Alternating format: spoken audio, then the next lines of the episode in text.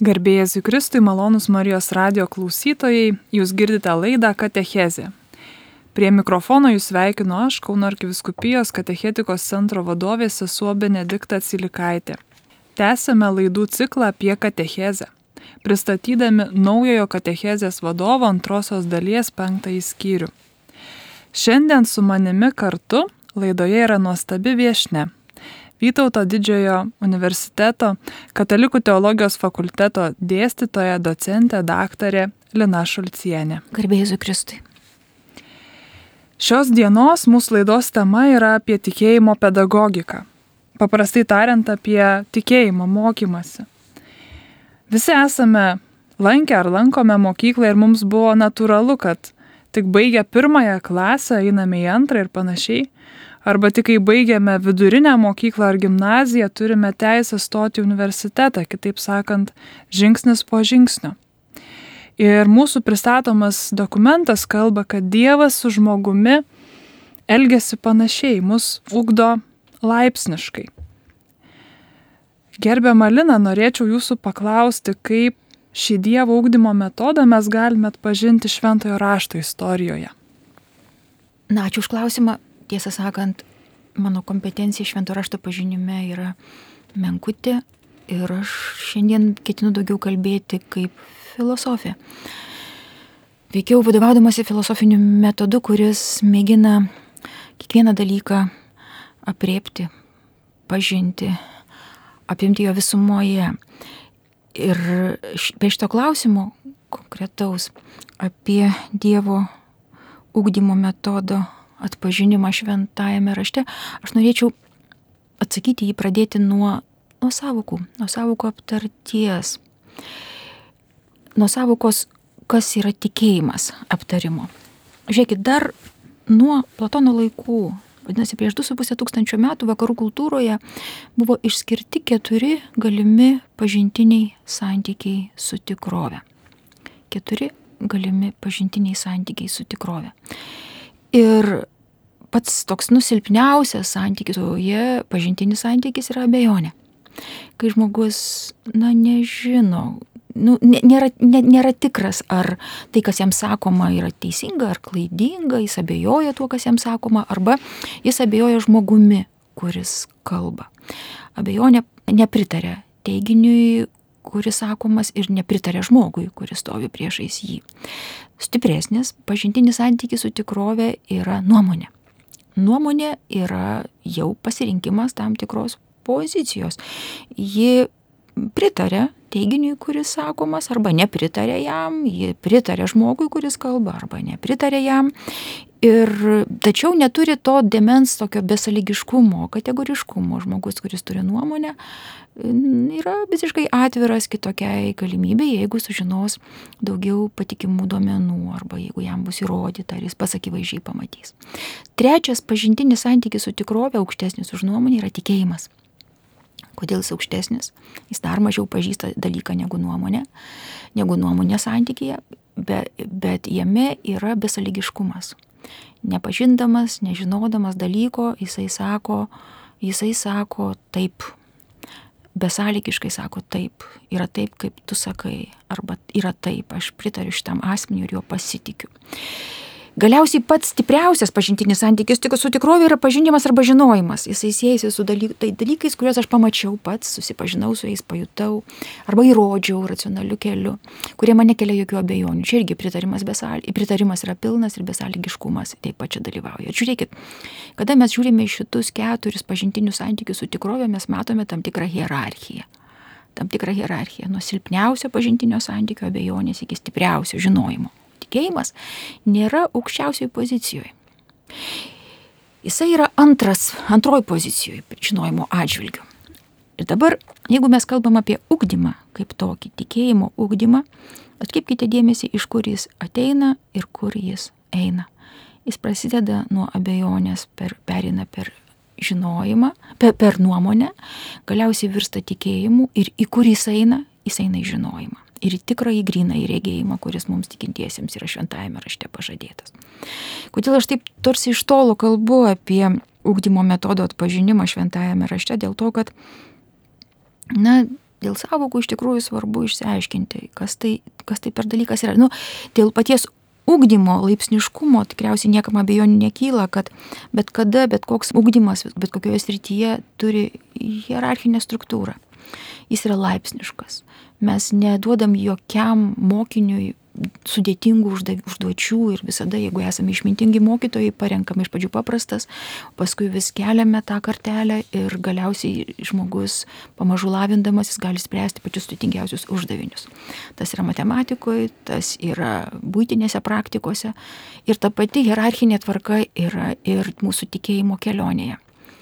Šventajame rašte veikiausiai atsispindi tai, kas vyksta kiekvieno iš mūsų gyvenime vyksta tam tikras laipsniškas tobulėjimas tikėjime. Jau pra, prieš tai čia visai e, pasakiau tokias riboženklius, nuo kur iki kur tas laipsniškas tobulėjimas vyksta. Jis perina nuo nuomonės ir juda pažinimo link. Dabar pats tikėjimas jis e, yra sudėtingas dalykas. Žiūrėkit, ar jūs atkreipėte dėmesį, kad mes žodį tikėjimas vartojame labai įvairiuose kontekstuose. Mes tikime orų prognozėmis, mes tikime informaciją, kuri surašyta vadovėliuose, mes tikime mūsų gamtos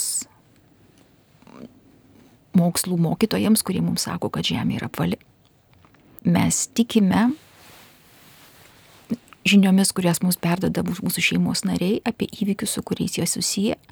Ir mes tikime Dievu, ir mes tikime šventajame rašte pasakytais dalykais. Žodį vartoju tą patį, tačiau jeigu jautresnė ausimi klausytumėte, ką čia sakau, kažkaip atsiskleistų, jog žodžis tikiu, tikime, šiuo atveju turi truputį skirtingas konotacijas. Truputį skirtingas konotacijas. Ir aš čia tą žodį tikiu norėčiau pristatyti taip, kaip jį aptarė Šventas Tomas Akvinėtis. Jisai sako, kad mes visada, kai tikime, tikime kuo nors ir tikime asmeniu. Pakartosiu, mes visą laiką tikime kuo nors ir tikime asmeniu. Kad tikėjime yra du šitie elementai. Tai labai svarbus apibrėžimas. Prisipažinsiu, jog aš pati savo santykyje su apriškimo tiesomis labai ilgą laiką buvau tokioj pozicijoje, kaip ją aprašo Martinas Buberis. Martinas Buberis sako, jog krikščioniškas tikėjimas, jis siejasi su teiginių pripažinimu teisingais. Teiginių pripažinimu teisingais. Dievas egzistuoja. Švenčiausioji trejybė yra vienos esmės ir trijų asmenų tikrovė. Jėzus Kristus turi dvi prigimtis - Dievo ir žmogaus. Jis įsikūnijo ir prisikėlė. Tai yra teiginiai. Ir, sako Buberis, krikščionys yra žmonės, kurie tiki teiginiais, o va jau žydų, judėjų tradicijoje yra tikima ne teiginiais, o pačiu asmeniu, yra pasikliaujama dieviškojų asmeniu. Buberis neteisus. Tomas Akvintis dar atkreipia dėmesį į tai, kad nėra krikščioniško tikėjimo, jeigu nėra tikėjimo asmeniu. Dar daugiau. Mūsų tikėjime yra du šitie elementai - tikėjimas teiginiu ir tikėjimas asmeniu. Tai dabar kalbu apie tokią evoliuciją tikėjimo kiekvieno iš mūsų ir evoliuciją, kuri be, be abejonės atsispindi ir šventajame rašte. Tai mūsų pirminė evoliucija yra turbūt evoliucija nuo tikėjimo teiginiu link tikėjimo asmeniu, kuris pasakė tą teiginį. Šitas pasakymas yra nepigus. Iš tikrųjų, man pačiai tai buvo naujiena išgirsti, kad taip yra. Aš visuomet maniau ir apologetikos savo tyrinėjimuose visą laiką laikiausi požiūrio, kad tapti tikinčių žmogumi, tai pripažinti teisingais ir besąlygiškai priimti teiginius, kurių moko katalikiškasis tikėjimas. Pasirodo, taip nėra man buvo didelė naujiena, kad pasirodo taip nėra. Pasirodo, kad tikras tikintysis ir religinė prasme tikras tikintysis yra žmogus, kuris priima tam tikrus teiginius ne todėl, kad jie teisingi, ne dėl to, kad jie yra gilūs, ne dėl to, kad jie atspindi kokią nors gilę kultūrinę tradiciją ir jie jums atrodo atitinkantis jų pačių su pačių vidinius lūkesčius ir svajones arba idealistinį tikrovės modelį. Jūs priimate juos todėl, kad tai pasakė asmuo. Ir tik todėl, kad tai pasakė tam tikras asmuo. Šitas dalykas man buvo didžiulis tikėjimo suvokimo šuolis. Ir jeigu mes kalbame apie tikėjimo ugdymą ir mokymąsi tikėjime, tai mano, pavyzdžiui, asmeninė evoliucija. Ir po kelių seminarų supratau, kad ne vien mano, bet mano auditorijoje tikrai sėdi žmonės, kurie dar ir iki šiol save laiko, būdami katalikų bažnyčios nariais, žmonėmis, kurie prioritetą teikia teiginiams, kuriuos jie pripažįsta esant teisingais. Tuo tarpu mūsų didieji mokytojai, pavyzdžiui, Šventas Tomas Akvintis sako, kad tikėjimo turinys arba teiginys, kuriuo tikime, yra antrinės reikšmės dalykas. Jeigu tikėjimas iš tikrųjų, mes kalbame apie tikrąjį tikėjimą, religinį tikėjimą, tai pirminis veiksnys tikėjimo veiksme yra asmuo, liudytojas. Sutrikau iš tikrųjų, kada šitą dalyką sužinojau, šitą, šitą dalyką perskaičiau, ėmiau kratyti savo galvą ir galvojau, kas yra man tas liudytojas, nes aš dar nekeliauju tenai, mes kalbam apie tikėjimo ugdymą, ar ne? Nes turbūt toles, tolesnis punktas bus tas, kurį išpažįsta kiekvienas žmogus, kuris ilgesnį laiką šaknyjasi krikščioniškajame tikėjime, jis pasakys, kad krikščioniškajame tikėjime ir liudijimas, liudijimo turinys ir liudijantis asmo yra tas pats, pats Dievas. Bet čia jau mes kalbame apie tolimesnį tašką mūsų tikėjimo evoliucijoje, tikėjimo. Pradėkime nuo pradžių. Pradžia yra ta, kad aš pripažįstu esant teisingais, besąlygiškai teisingais teiginius tam tikrus. Ir sakau, kad aš esu jų išpažinėjęs. Ir man iš tikrųjų šitas momentas teiginių pripažinimas visą laiką atrodė pats svarbiausias. Mano pačios progresas tikėjime buvo suvokimas, kad aš patikėjau tais teiginiais, todėl ir tik todėl, kad atsirado asmuo mano gyvenimo patirtyje, kuris man paliudijo jų teisingumą ilgą laiką svarčiau, kas tas asmuo. Iš tikrųjų, atmintis užnešė tokį sluoksnį įvykių dalykų ir aš, man sudilo, sudilo visai, nes Jėzus Kristaus asmuo be abejonės kyla pirmiausia atmintyje ir atrodo, jis yra dabar pagrindinis liudytojas. Bet jeigu kalbu apie evoliuciją tikėjimo, tai asmuo, kuris paliudijo tikėjimą, yra žmogiškasis asmuo. Žmogiškasis asmuo. Tai dabar pakėlus visus tuos prisiminimus, atvėrus juos ir pasižiūrėjus giliau, prisiminiau, kaip mano diplominio darbo vadovas, pas kurį aš konsultavausi, jis man kalbėdamas tiesiog apie savo situaciją šeimoje, namuose, mes svarstėme va, ten dirbtinio intelekto problemas, nes rašiau diplomą iš tos ryties. Jisai vyras, tvirtas, stipraus charakterio, iškalbingas, pakankamai, na, socialiai sėkmingas, pravirko mano akivaizdoje, prisiminęs, kad jis nėra, nėra tiesus prieš viešpatį, nes neskiria pakankamai dėmesio savo šeimai ir savo vaikams ir jaučiasi kaltas ir jam labai gėda prieš Dievą. Mane sukrėtė ta jo laikysena, aš jo elgesys buvo netikėtas, jis to netrukus nubraukė ašaras ir toliau mes dirbome savo darbą, bet tai buvo labai stiprus, labai stipri patirtis. Dalykai, kuriuos aš žinojau, kaip krikščioniškosios tiesos, kurios jos man atrodė patrauklios, teisingos, atitinka mano idealios tikrovės modelį ir man atrodo, kad visai teisinga ir svarbu jų laikytis, jos įgyjo asmeninį pobūdį. Tomas Knyžis pasakytų taip, bet tada, tik tada Lina tavyje iš tikrųjų gimė religinis tikėjimas, nes tu tai priėmėjai kaip tiesą tik todėl, kad to laikosi, netiesiogiai, bet to laikosi asmuo, kuris tau padarė didelį įspūdį. Tai va dabar aš truputį lik ir nus, nu, nuklydau nuo klausimo, kurį Benediktą uždavėt.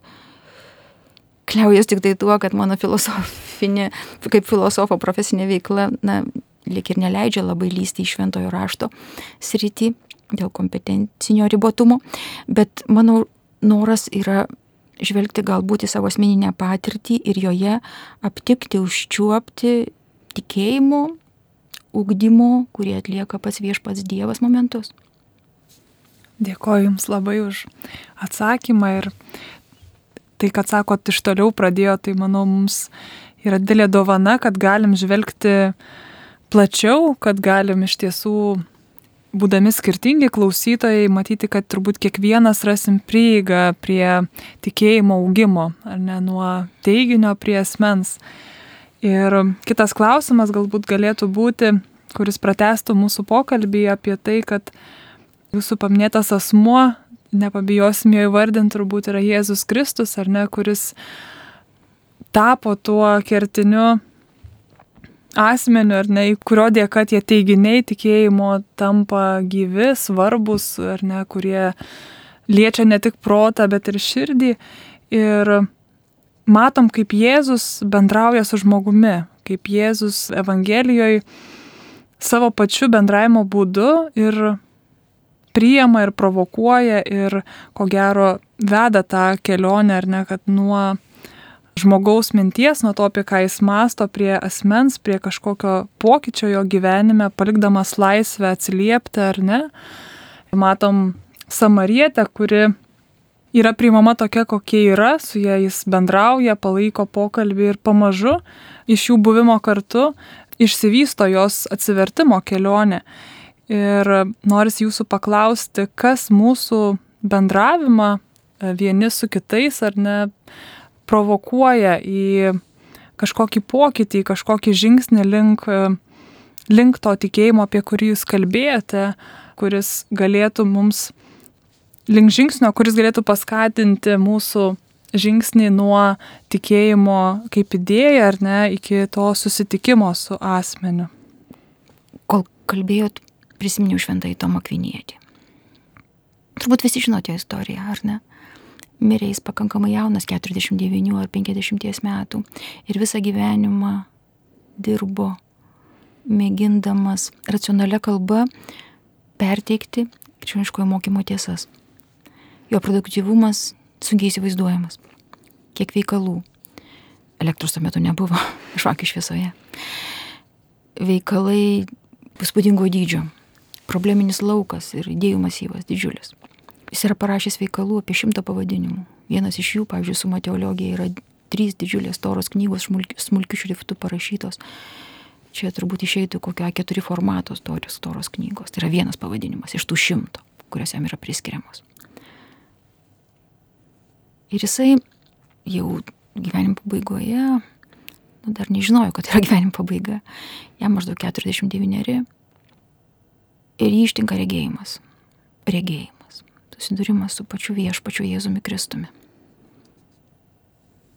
Nežinia, kas ten buvo, jisai savo nuodėmklaus ir draugui, broliui Reginaldui, iš ties papasakojo, kas tai yra. Ir po to jau po jo mirties, maždaug 50 metų tik praėjo, kai buvo jo kanonizacijos procesas ir tada dar buvo gyvi daugybė žmonių, kurie galėjo paliudyti apie jo gyvenimo būdą. Ir tada šitos komisijos, kuri kanonizacijos visus dokumentus tvarkė, dalyviai sužinojo ir iš brolio e, tą jo liudėjimą. Taip tai buvo regėjimas, po kurio Tomas nustojo rašęs apskritai. Jo trečioji suma teologija dalis liko neparašyta. Viena nusprūdusi frazė pasiekė mus. Jis skambėjo taip, visa, ką parašiau, yra pelai. Visa, ką parašiau, yra pelai. O ką jis rašė? Jis rašė ne apie žemiškus dalykus ir ne apie praktinius reikalus visą laiką rašė apie Dievą. Visą laiką rašė apie žmogaus ir Dievo santyki. Apie dieviškosios tikrovės savitumą. Apie tai juk rašė, apie Dievą. Ir žinot, nuo, ne nuo Tomo, nuo daug senesnių laikų, va šitas mąstymas apie Dievą, svarstymas apie Dievą, proto prieiga prie apie Dievą ir vadinama latiniškai preambulė fidėjai - pasirengimas tikėjimui. Įsivaizduojat? Pasirengimas tikėjimui. Tomas nieko nebeparašė, susirgo labai stipriai. Pasikeitė. Visi matė didžiulį pokytį jame. Atgulė ir nebegalėjo pakilti. Broliai jį, e, jam patarė nuvykti pas savo seserį, jos pilį. Ten dar kurį laiką jis e, bandė atsitiesti. Galiausiai vyko į Liono susirinkimą ten į tą patį, kurį vyko ir, ir Šventasis Bonaventūra susirinkimą, kuriame, beje, atsiminkit, tai yra 1274 metai, buvo rytų ir, ir vakarų bažnyčios pasirašė vienybės sutartį. Įdomus dalykas. Nebeliko tais metais rytų ir vakarų krikščionių, paskui vėl, aišku, tos bažnyčios suiro, bet tome susirinkime dalyvavo ir į jį vyko Tomas Akvinėtis ir nenuvyko. Ir nenuvyko. Kelyje įvyko nelaimingas atsitikimas, jis nukrito nuo asiliuko, ant kurio jojo ir šalia esančiame vienuolyne, skaitant giesmių giesmę, mirė. Visas jo gyvenimas yra mokslas ir darbas, protinis darbas, bandant suprasti dievišką tikrovę ir bandant perteikti ją kitiems, nes žmogus yra protinga būtybė, kuris stiebėsi į Dievą taip pat ir protu, ne vien savo mylinčia širdimi. Ir stiebimasis protu į Dievą yra preambulė fidėjai, pasirengimas tikrajam tikėjimui. Pažinimas nėra tikėjimas. Tikėjimas siekia ten, kur pažinimas nesiekia, sako šventas Tomas Akvinėtis. Ir tikėjimas siekia ten, kur pažinimas nesiekia. Ir tikėdami mes, nematydami, neregėdami, vaizduodamiesi, prisiliečiame prie dalykų, kurie mums nėra duoti tiesiogiai, tik tai migloje stebėmės į jį ir mūsų to tikėjimo tikslas yra regėti, susidurti, būti su susilieti. Tačiau įdomu yra tai, kad šitą mislingame tikėjimo veiksme galiausiai mes lik ir dalyvaujame, tarsi kontempliuodami toje tikrovėje, kuri mums yra dar vis pažadėta. Dabar žiūrėkit Tomo Kviniečio istorijos perspektyvoje, kaip atrodo visa tai. Tai atrodo na, tikėjimo ugdymas, Dievo duotas jam tikėjimo ugdymas, kuriame jisai galiausiai išsiskleidžia kuo. Jo išorinė veikla nutrūksta. Tikėtina, kad prasideda ir pati intensyviausia tampa vidinė veikla. Vidinis ragavimas tų pažadėtų dalykų, tos pažadėtos tikrovės, kurios dalyvių jis tampa. Suprantat, tas Tomo pavyzdys man yra labai, labai parankus, kalbant apie tam tikrą dinamiką, su kuria susiduria kiekvienas žmogus ir kurią be abejonės liudyja ir Kristus. Tomas išplėtoja idėją, kurią randa Švento Aureliaus Augustino raštuose. Ta idėja esate beveik visi girdėję. Augustinas išskiria tikėjimą į trejopą struktūrą. Latiniškai pasakysiu, tai skamba credere deo, credere deum ir credere in deum. Lietuviškai tai būtų tikėti Dievu, tikėti Dievą ir tikėti į Dievą. Tomas Aknėtis plėtoja šitą struktūrą. Ką tai reiškia? Tikėti Dievu tai reiškia tikėti tuo, ką Jisai sako. Tikėti Dievą reiškia tikėti, kad Jis yra. Ir tikėti į Dievą reiškia tikėjimu glaustis prie Dievo, tikėjimu skverbtis į dieviškas paslaptis, tikėjimu stieptis link Jo ir dalyvauti Jo narių bendrystėje. Tomas sako, šie trys momentai yra vieno ir to paties tikėjimo elementai. Vadinasi, praktiškai mes kalbame apie tą na, aukščiausią tašką, į kurį mes savo tikėjimo gyvenimą ir judame nuo teiginių pažinimo, nuo, nuo krederė deum, kad Dievas yra, nuo krederė deo, tuo, kas yra pasakyta šventajame rašte, kas yra apie jį kalbama, ką Dievas mums kalba apie tikrovę ir mus pačius. Ir galiausiai tikėjimo augimas turbūt labiausiai skleidžiasi tada, kai aš žengiu krederė indeum, kai žengiu tikėjimu į bendrystę, į santyki su Dievu. Suma sumarum turbūt išeitų, kad tikėjimo augimas yra augimas santykyje su pačiu Jėzumi Kristumi. Apie šitą tikrovę kalbėti yra labai intimu. Labai intimu. Bet žinot, kaip ir kiekvienam santykyje, dinamikos apstu. Jis būna tolimas, jis būna vis artesnis, būna jis išgyvena visišką vienovę kai aš ir Kristus esame viena, kai esu toks, koks noriu būti ir noriu būti toks, koks esu. Kas gali pasakyti, kad tai turi ir kas gali kad tai pasakyti, kad tai turi visada. Dinamiškas procesas. Mūsų augimas praktiškai apibendrinant turbūt keliautų nuo teiginių, nuo teiginių link tokio drąsaus, kategoriško, besąlygiško linktelėjimo asmeniui, nepaisant, ką jis pasakys. Su žmonėm taip neišeina. Ar galite sakyti, kad tikite kažkokiu tai žmogumi? Nes jeigu sakote, kad tiki žmogumi, tai reiškia, kad, nu, kai jis kalba. Tai reiškia, kad jūs sakote, kad jūs tikėsite juo visada, ką jis be pasakys. Pakartosiu. Jeigu jūs sakote, kad tikite žmogumi, tai reiškia, kad jūs sakote, kad juos, jūs juo tikėsite, ką jis kada be pasakys. O taip nėra. Ir tokio tikėjimo niekada niekas iš nieko neturi teisės reikalauti. Tai gali būti tik tada, jeigu tai kalbama apie esinį, kuris gerokai viršė tavoje prigimtį ir kur, nuo kurio tu visiškai priklausai savo būtyje.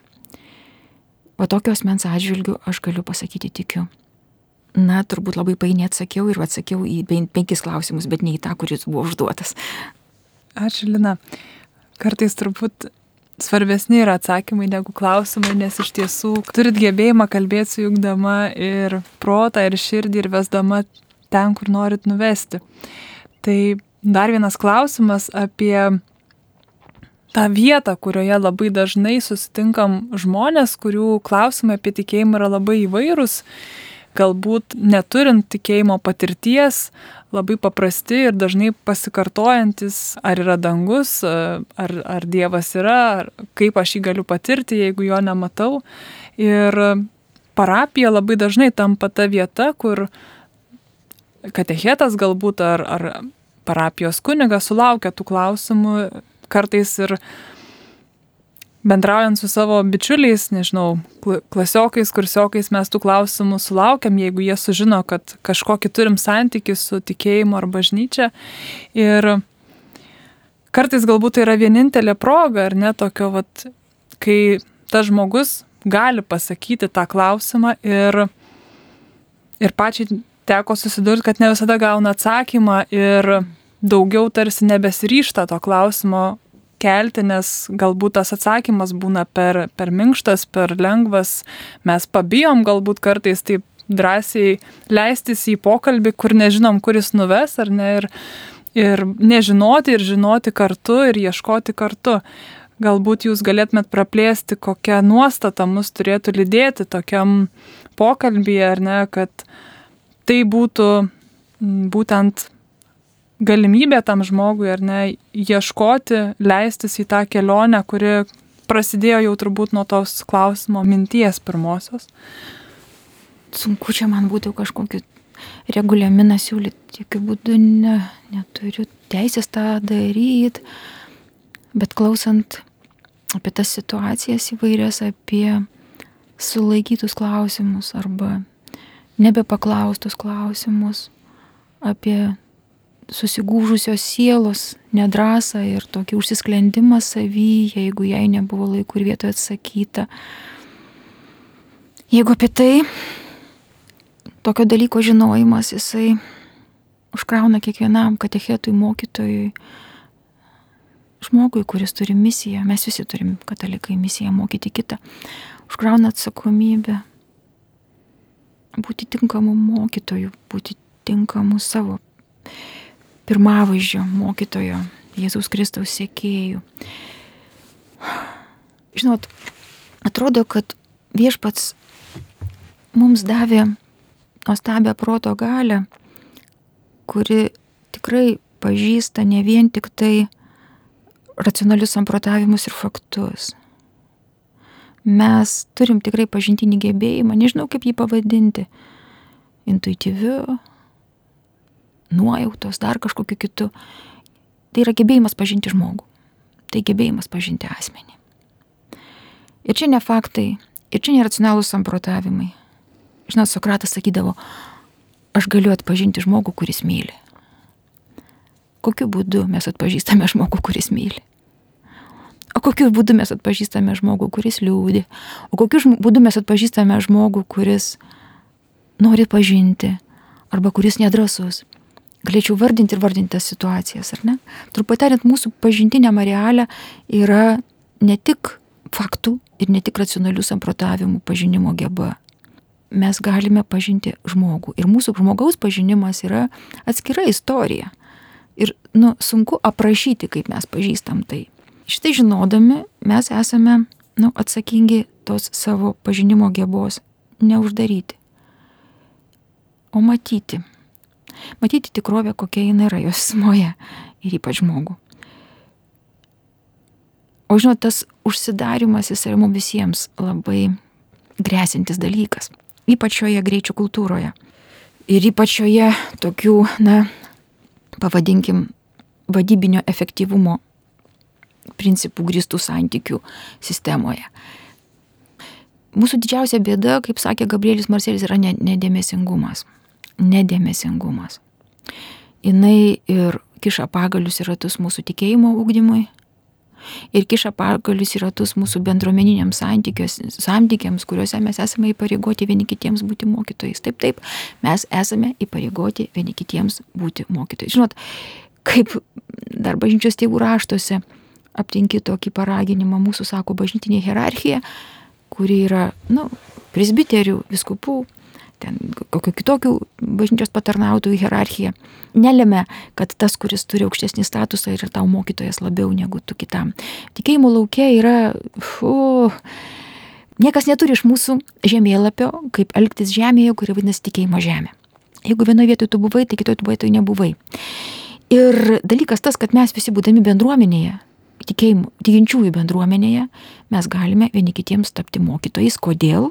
Todėl, kad aš vienur jau buvau tikėjimo žemės laukia, o kitur nebuvau.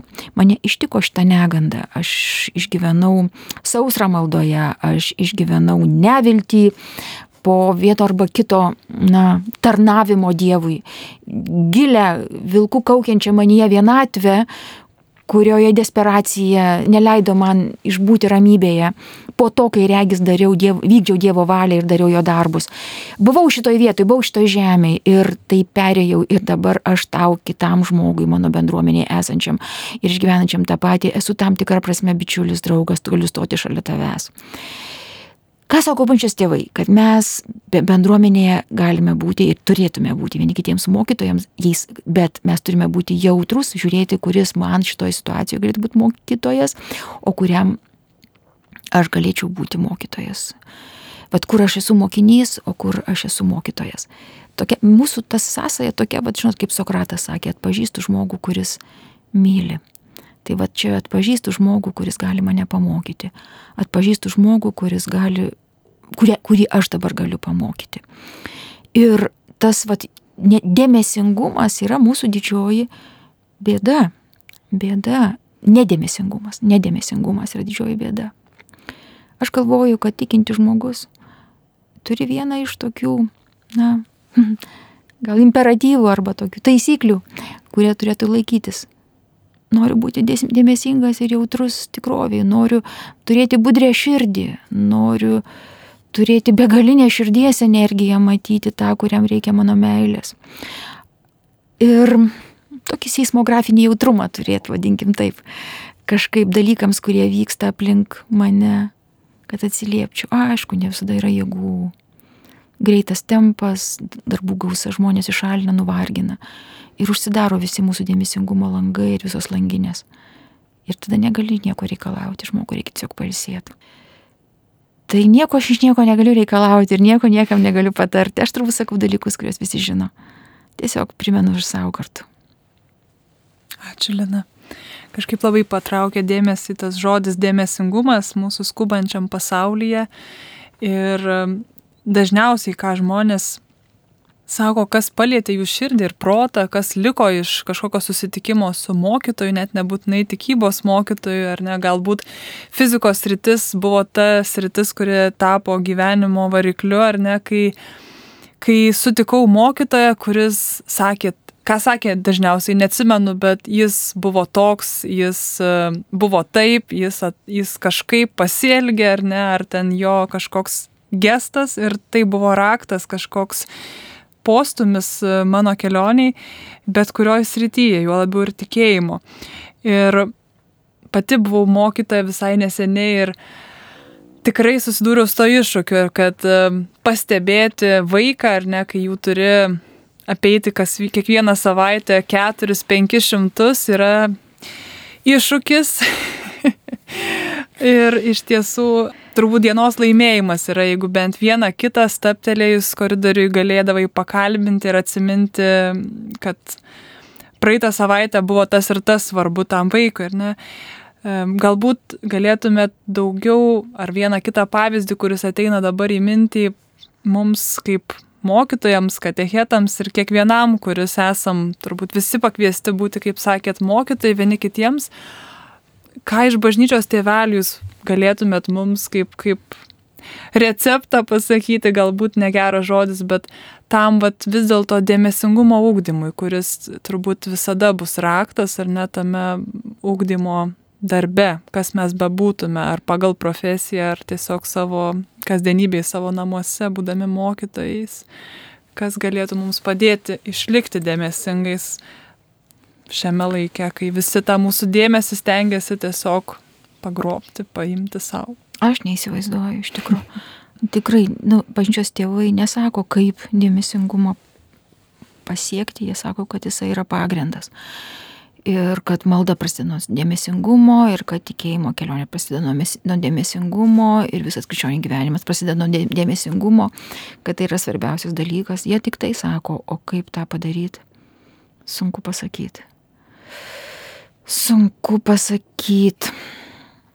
Aš iš vis esu susipykus su visais receptais ir su visais metodais, nes, nu, turbūt pati ta filosofinių disciplinų dėstytojo laikysena, jį pamažu pripratina prie alergiškos reakcijos, bet kokio metodo, recepto suabsoliutinimo atžvilgiu. Ir ką sako kiekvienas filosofas, kad svarbiausias dalykas yra augdyti išmintį, kuri atpažįsta, kada kokį metodą panaudot. Metodų yra daug, būdų yra daug, situacijų yra daug, o išmintingas žmogus yra tas, kuris geba pasirinkti tinkamą priemonę tinkamai situacijai, tinkamą metodą, tinkamų atžvilgių. Tai man atrodo, kad su receptūrom tai čia mes neprasidėsim tada, ne mes jas dedam į šalį. Ir vienintelį dalyką, ką kaip filosofas galiu priminti, galiu priminti tą tokią, nu, pareigą, kuri ir senovės graikams, bei ir krikščionims taip pat buvo būdinga labai labai ilgą laiką, kad mes esame pašaukti aukti išmintyje, pažinti ir suprasti. Ir išmintis yra reikalinga tam, kad geriausiu būdu nugyventum savo asmeninį gyvenimą, be abejonės tam. O tam reikia pasirinkti tinkamas priemonės galutiniam tikslui pasiekti. Ir išmintis padeda pasakyti, vad kokio metodo tau žmogau reikia dabar, kad tu būtum dėmesingas kitam žmogui, kad tu būtum dėmesingas maldoje, kad tu būtum dėmesingas Kristaus pirmumui, Kristaus asmens pirmumui, žengiant per tavo gyvenimo dieną. Ką tu turi daryti? Ką tu turi daryti? Tai ugdymasis čia vyksta va tokioj savistaboj, žvelgiant, kas, kas tau labiausiai tinka. O joks metodas negali būti suabsoliutintas. Tikrai ne. Prisimena tik tokie gražus, vat, iš bažnyčios tėvų tokie pamokymai, kad jeigu tu sėdi melstis ir po pirmųjų tavo žodžių, tėve mūsų, kuris esi danguje, tiesie šventas, tavo vardas ir ties žodžių vardas, jau tavo mintis nuskrieja į tokias kitas galaktikas, jau tu ten darai valgyti, važiuoji autobusu, tvarkai reikalus su tuo ir su trečiu, o tavo minčių nėra tavo žodžiuose tai tada ta mintis, tada malda neturi jokios prasmės. Ir jie ragindavo tokiomis ilgomis maldomis, kaip tėvė mūsų nesimelsti. Čia mes prie receptūros pereinam. Tai kokią maldą jie ragindavo melstis, jie ragindavo tą pačią trumpiausią. Jie galima išilginti, bet pati trumpiausia Jėzus malda - viešpatie Jėzų pasigailėk manęs. Čia dar užtenka gal dėmesio, ar ne, prie šitų keturių žodžių pabūti viešpatie Jėzau pasigailėk manęs.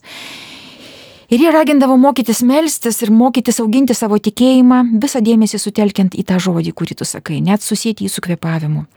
Per viešpatie Jėzų iškvėpt, pasigailėk manęs iškvėpt. Jeigu reikia ilgiaus, ilgesnės frazės prijungdavo, jeigu gebi, gebi prijungti savo dėmesį prie žodžių viešpatie Jėzau, Kristau, nu dar ilgiau, gyvojo Dievo sūnau, nu dar ilgiau pasigailėk manęs nusidėjėlio. Bet gali būti, kad ir per šitą trumpą frazę gali nuskėti tavo mintis kuo toliau. Ir jie sako, tada malda nebergždžia. Ne, ne, Ar iš tiesų bergždžia? Nugriežti tie bažnyčios tėvai, vat, ypač pirmieji tėveliai būdavo. Bet jie šitos maldos būdu praktikuodavosi tai vadindavosi askeo, praktikuojosi, lavinimas iš čia askezė, maldos askezė, maldos pratybos, maldos lavinimasis. Pamenat, turbūt visi esate skaitę apie tas tokias, va, nu, skaitliukus, tokius nerožinius, bet tokias va, maldų juostas, kur, kur vienuoliai surinkdavo per dieną ir iki keliasdešimt tūkstančių šitų maldų su pilnu dėmesingumu. Ir įdomus toks dalykas tada gaunasi Tai atrodo nukreipęs dėmesį į keturis žodžius, viešpatie Jėzau pasigailėk mane, susiaurini savo mąstymą, nebesi laisvas, apriboji save labai stipriai keturiais žodžiais, nu kiek gali prasiskverbti tuos keturis žodžius, viešpatie Jėzau pasigailėk manęs. Prapuolimas, bet įvyksta labai įdomus dalykas. Įvyksta tas stebuklas, kurį bažnyčios tėvai vadindavo širdies malda, maldos nusileidimas į širdį, kuomet vėliau jau pati malda ima suktis lyg džiaugsmo variklis tavo širdyje. Atkreipkite dėmesį, džiaugsmo variklis. Kada Serafimas Rojėtis sutikdavo kiekvieną ir sakydavo džiaugsmas, džiaugsmas matyti tave. Tai buvo ne koks nors toks įprastas komunikacinis šūksnis, panašus į mūsų sveikas gyvas. Ne, tai yra išsprūdusi iš vidinės džiaugsmo tikrovės va tokia frazė, kuri atspindi tikrą dalyką, tikrą dalyką. Tai dėmesingumo vaisiai. Įsivaizduojat, tai dėmesingumo vaisiai. Kuomet sutelkiu visą save į žodžius viešpatie Jėzau, Kristau, pasigailėk manęs nusidėliu. Po 15 tūkstantojo karto jaučiu, kaip mano visas kūnas kvepuoja šitą maldą. Skaitau paskaitas, perku produktus mieste, bendrauju su Benedikta ir ta malda skamba manyje. Ir jinai sako, kas jums atsitiko, jūs šviečiat. Taip ir būdavo, iš tikrųjų. Dėmesingumo vaisiai. Tai dabar aš tik sakau, kokie rezultatai, o kaip pasiekti dėmesingumą kartoju, nu, nežinau. Apsidairyti savo gyvenamąją situaciją ir klausti savęs, kokiu būdu galėčiau būti dėmesingas. Nežinau. Dovanokit.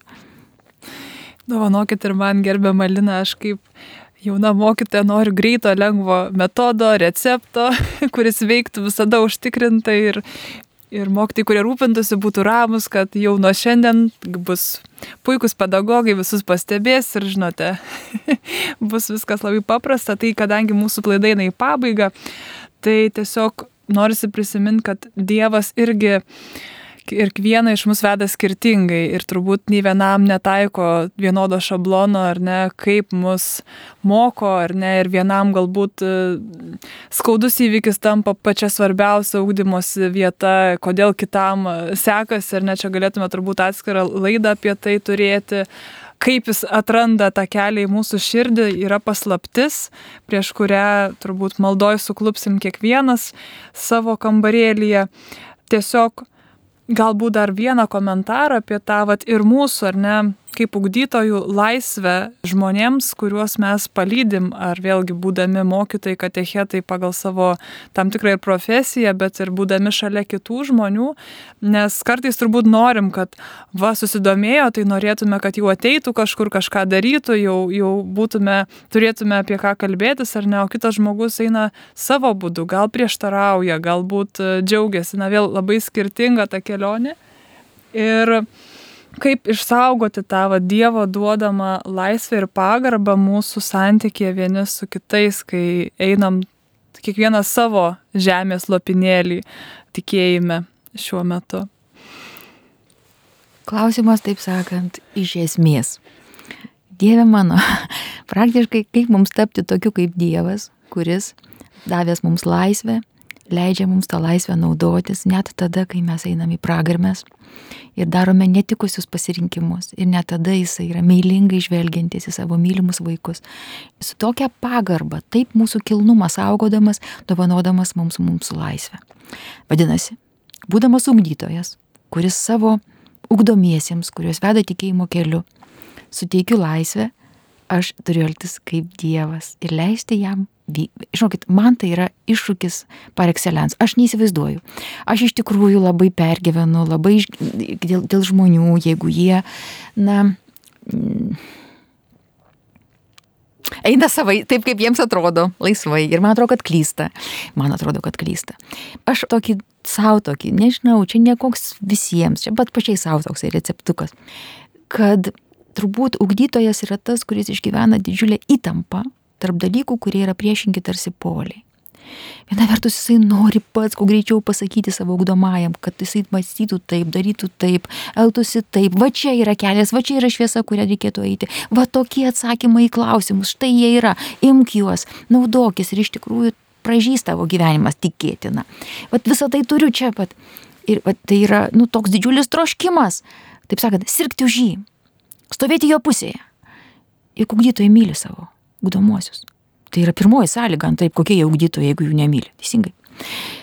Ir tada tu stovi jo pusėje ir be abejo irgi ir sikiu, tu turi kaip beprotis tylėti, leisti, laisvę, jiems suteikti. Sakau, kaip beprotis, todėl kad nu, išgyveni tą didžiulę dramą vidinę, kaip su savo vaikais, kaip su savo studentais, kaip su savo mokiniais, kaip su tais, kuriuos palydi, jie renkasi patys. Ugdytojas yra kankinys, jam skauda, nes jisai, nes jisai mato, kaip tas, kurį, kurį jis myli, pasirenka ne tai, ką turėtų pasirinkti. Bet tas, kurį, tu, į kurį jis myli, yra laisvas ir renkasi, kaip jam patinka. Kaip jam atrodo, pagal savo pažinimą ir pagal savo supratimą. Didžioji laisvės paslaptis. Praktiškai dėl laisvės augdytojas yra kankinys, kaip ir Dievas. Dėl mūsų laisvės yra kartais kankinys. Dėkojame Jums, mėly Marijos radio klausytojai, kad klausėtės mūsų, dėkoju laidos viešniai, Vytauto didžiojo universiteto dėstytojai, docentiai, daktariai Linai Šulcieniai. Prie mikrofono buvo aš, sesuo Benedikta ir lauksime kitų susitikimų. Ir šią laidą užbaigsime trumpą maldą.